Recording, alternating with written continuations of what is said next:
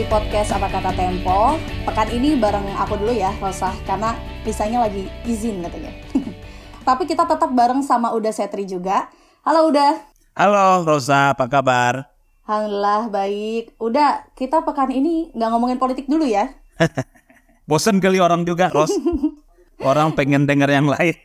Iya, kita mau ngomongin soal uh, perdagangan ilegal ginjal. Begitu baca laporan Tempo pekan ini, aku jadi keinget jokes yang ini jokesnya udah lama juga ya udah. Kalau ekonomi sulit tapi gaya elit, apalagi iPhone 15 bentar lagi rilis. Nah, kita bisa nih. Kalau masih ada ginjalnya dua, boleh dijual satu, katanya gitu. tapi ini belakangan jadi dark jokes menurut aku juga. Karena kok uh, Juni lalu ternyata ini ya terungkap perdagangan ilegal ginjal yang melibatkan sindikat Indonesia Kamboja. Aku mau rekap sedikit mungkin buat teman-teman yang belum tahu. Jadi Juni lalu tuh polisi uh, menggerebek rumah kos di Bekasi dan memang udah dicurigai sebagai penampungan para pendonor ginjal. Nah dari situ polisi mengungkap juga nih adanya jaringan perdagangan ginjal ke Kamboja. Menurut temuan kepolisian juga di situ ada aparat dan petugas imigrasi yang terlibat meloloskan pendonor terbang ke Phnom Penh, Kamboja. Nah, menurut penelusuran Tempo udah, apa yang membuat banyak orang jadi marak nih menjual ginjalnya nih? Pastinya bukan karena iPhone kan udah. Iya, betul Rosa. Jadi uh, memang semula kita pikir ya uh, ginjal itu adalah organ Eh, yang kemudian jadi jok semata menunjukkan bahwa ini organ yang sangat berharga bisa dihargai aduh mahal banget kalau gua beli itu gua harus jual ginjal dulu nih jadi hmm. jadi artinya memang memang organ yang sangat penting dan betul sangat penting kan buat tubuh kita uh, yeah. ketika orang gagal ginjal dia harus cuci darah selama setiap apa sepanjang umur gitu dan hmm. biayanya hmm. mahal gitu tapi ternyata barang mahal ini menjadi komoditas perdagangan, komoditas ilegal. Lah. Jadi Tempo itu pernah menurunkan liputan eh, rapor utama rasa jadi majalah Tempo. Oke. Okay. Itu itu di di Jakarta itu ada bursanya. Hmm. Salah satu rumah sakit besar di Jakarta dan kita menginvestigasi bagaimana praktek itu. Okay. Uh, praktek-praktek itu terjadi dan kita menemukan malah di satu daerah di Jawa Barat itu uh, mayoritas penduduknya ginjalnya tinggal satu karena satu lagi oh. sudah dilego. Nah, hmm. Tapi waktu itu masif nih, masif razia segala macam ramai. Tapi belakangan menghindari operasi uh, cangkok ginjal di dalam yang sangat sulit secara ilegal, mereka mencari negara lain. Negara oh, lain itu okay. Kamboja gitu. Jadi dan yang uh, paling menyeramkan ini bukan uh, apa aktivitas yang biasa saja, tapi sindikat sindikat Asia, hmm. sindikat Asia yang memperdagangkan yang menjadikan ginjal supaya uh, menjadi sebuah bursa dan operasi pencakokannya di uh, Kamboja. Kenapa di Karena Kamboja belum ada aturan resmi soal itu. Oh. Orang bebas-bebas aja. Jadi sekarang yang menjadi persoalan jadi mana berburu pendonornya, orang hmm. ingin menjual ginjal. Ah, di Indonesia. Kita dalam liputan ini kita menemukan bagaimana ada grup uh, Facebook, grup media sosial yang yang percakapannya adalah jual beli ginjal. Ini menyeramkan. Hmm. Dan ya ya inilah fenomena fenomena Indonesia maju secara ekonomi.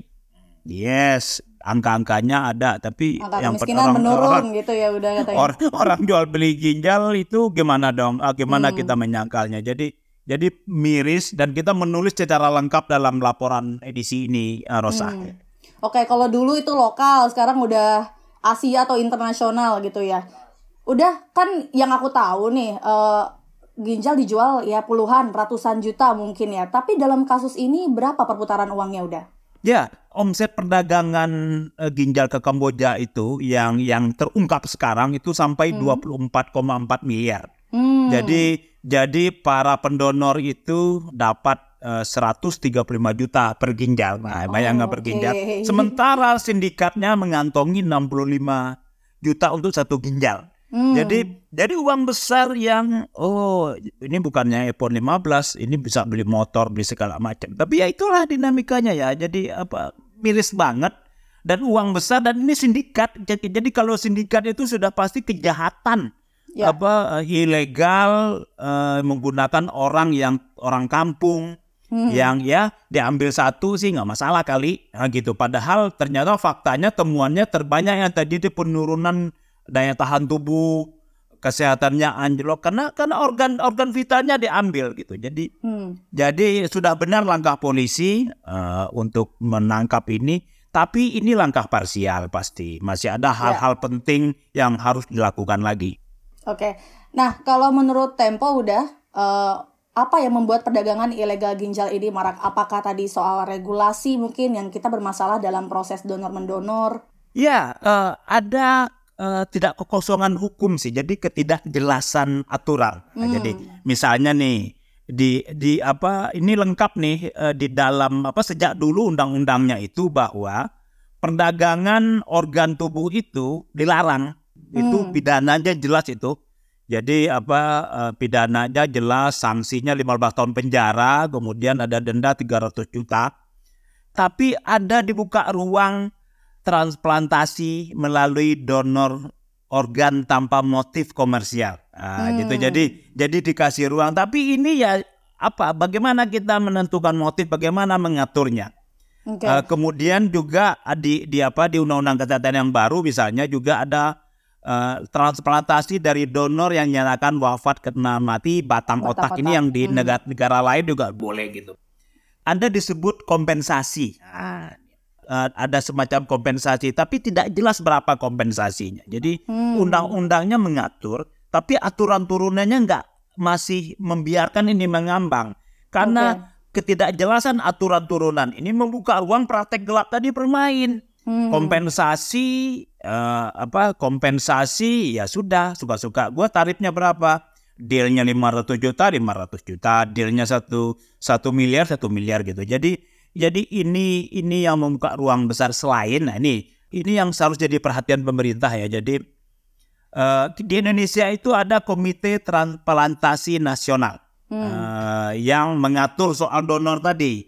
Jadi Oke. kan kita ada tuh kalau kita ingin ketika meninggal apa seseorang bisa Mendonor. mendaftarkan Hmm. dia mendonorkan kornea, mendonorkan ginjal dan lain-lain. Itu diurus oleh komite transplantasi ini. Hmm. Tapi dilarang karena tidak jelasan aturan ini dan juga kurang sosialisasi bahwa donor itu adalah kebaikan gitu misalnya ya bagi Hmm. orang yang sudah meninggal. Ini eh, ruang-ruang gelap pemain-pemain hitam bromo corah gitu yang yang ingin mencari uang besar, untung besar dari kebodohan orang yang tidak yang yang ya selagi ada yang bisa jual dijual ginjal ginjal dijual deh apalagi kan. Jangan-jangan bagi orang-orang yang orang oh ya kita harus akui orang-orang kelas menengah yang pendidikannya ya eh, harus kita akui banyak di antara kita. Apa pun dijual jadi uang dia jual tuh. Nah Ya, ya. yang menarik Rosa ini eh, menurut Komite Transplantasi Nasional tadi kebutuhan ginjal untuk transplantasi itu Hmm. artinya orang yang gagal ginjal yang butuh ginjal Ya. gitu itu 40.000 ribu per tahun Uh, banyak banget ya. pasokannya hanya 150 coba Oh, bayangkan nggak Oke. sampai satu persennya pun nggak apa ya eh, sedikit sekali lah Hmm. ruang gelap inilah yang ada tadi orang-orang jahat tadi eh, Hmm. yang meraup untung sebesar besarnya dengan memberi informasi yang ala kadarnya menggunakan fasilitas oknum-oknum pejabat negara untuk mencari uang untung besar gitu loh dengan melakukan kejahatan kejahatan seperti ini. Oke, udah anggaplah seandainya tadi eh, ada kesepakatan nih antara pendonor dan penerima dengan nominal tertentu. Tapi ini kan eh, berarti tanpa adanya paksaan gitu ya udah. Iya, Hmm. Itu gimana Tempo menyikapi hal ini? itu kan bisa itu kan se- sebagian yang terjadi nih. Hmm. Misalnya ada orang yang mendonor ibunya, yang Ya. mendonor anaknya, itu kan dia itu, itu ada aturannya. Tetapi eh, tapi itu tidak cukup. Tidak cukup. Ada ada bahwa di undang-undang bahwa tidak tidak boleh bermotif komersial gitu loh. Tapi Ah. eh, ada turunannya, ada kompensasi tadi. Kompensasi ini yang perlu diatur. Hmm. Negara harus turun mengatur ini. Tujuannya apa? Tujuannya agar karena tidak diatur, jadi orang suka-suka menentukan tarif, Oke. suka-suka melakukan pembodohan. Jangan-jangan orang yang orang yang orang yang menjadi korban perdagangan ginjal ini, Hmm. dia angg- dia tidak tahu konsekuensinya ketika ginjalnya diambil satu. Hmm. Oh, dapat uang besar 150 juta kan lumayan ah, ginjal kan nggak masalah tapi dia tidak tahu dampaknya gitu ini kan ini kan menjadi penipuan jadinya Ah, oleh karena itu dengan adanya kejelasan aturan turunan ini orang yang mendonor itu ikhlas bahwa kemudian diatur dia dapat dapat kompensasi ini dari dari pendonor eh, ada hitam di atas putih kemudian dilakukanlah transplantasi. Ini ini yang dibetulan sebetulnya bahwa ruang-ruang gelap karena ketidakjelasan aturan ini di situ negara harus turun. Harus harus negara harus hadir untuk membuka para para pedagang gelap ini eh, lintas negara menggunakan eh, ketidakseimbangan informasi eh, tujuannya mencari keuntungan pribadi. Ini tidak boleh gitu. Negara harus hadir me- mengatur sedetil-detilnya eh, bagaimana sih eh, regulasi turunan dari undang-undang kesehatan tadi Oke. Kalau kesepakatan ekonomi ini dilarang, terus gimana udah bentuk kompensasi yang semestinya diberikan ke pendonor? Apakah perlu tarif tertentu juga atau gimana?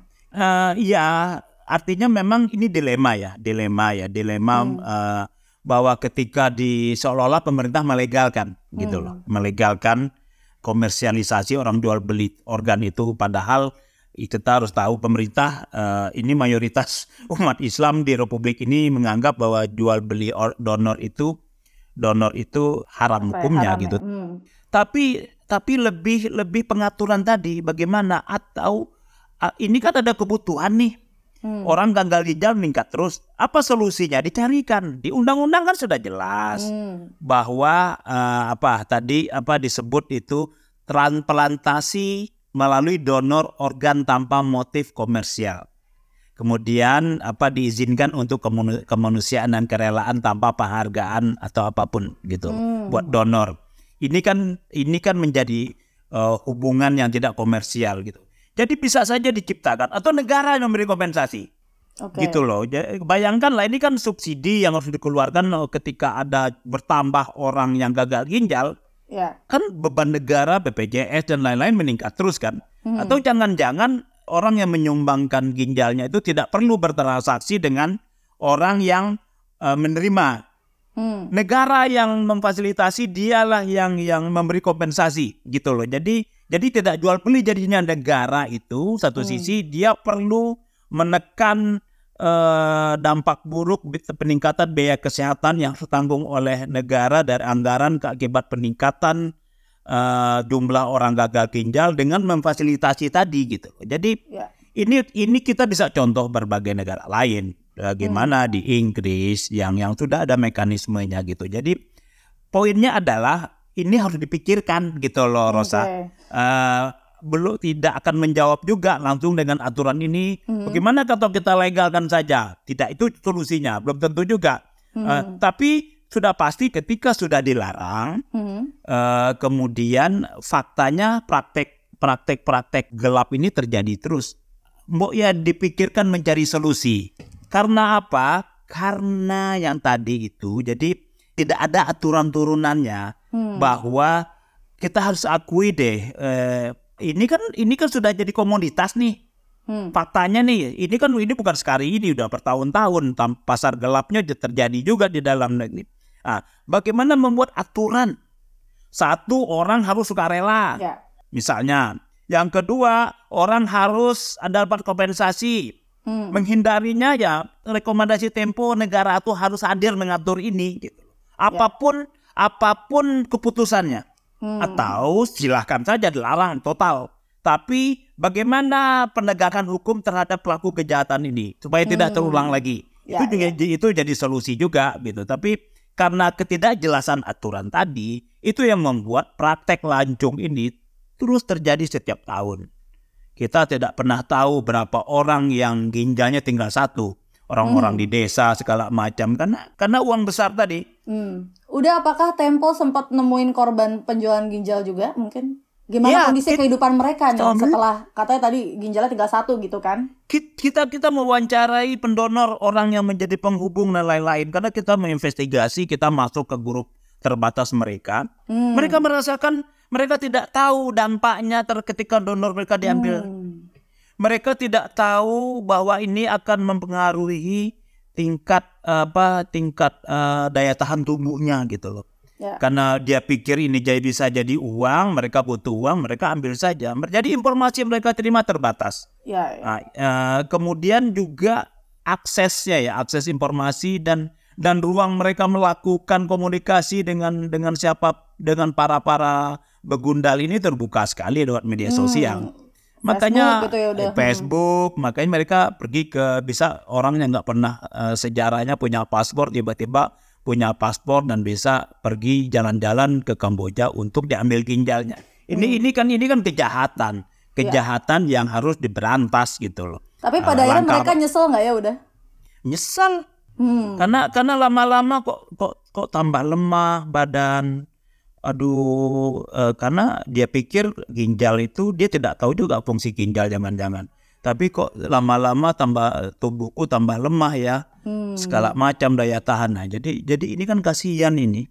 Orang yang secara ekonomi susah tapi dimanfaatkan oleh para para begundal-begundal para bromocora yang mencari untung besar ini uh, di tengah ketidaktahuan uh, saudara-saudara kita orang-orang orang-orang di desa, orang-orang orang yang kurang mendapat informasi, tidak hmm. tidak sekolah gitu. Jadi ini kan kejahatan.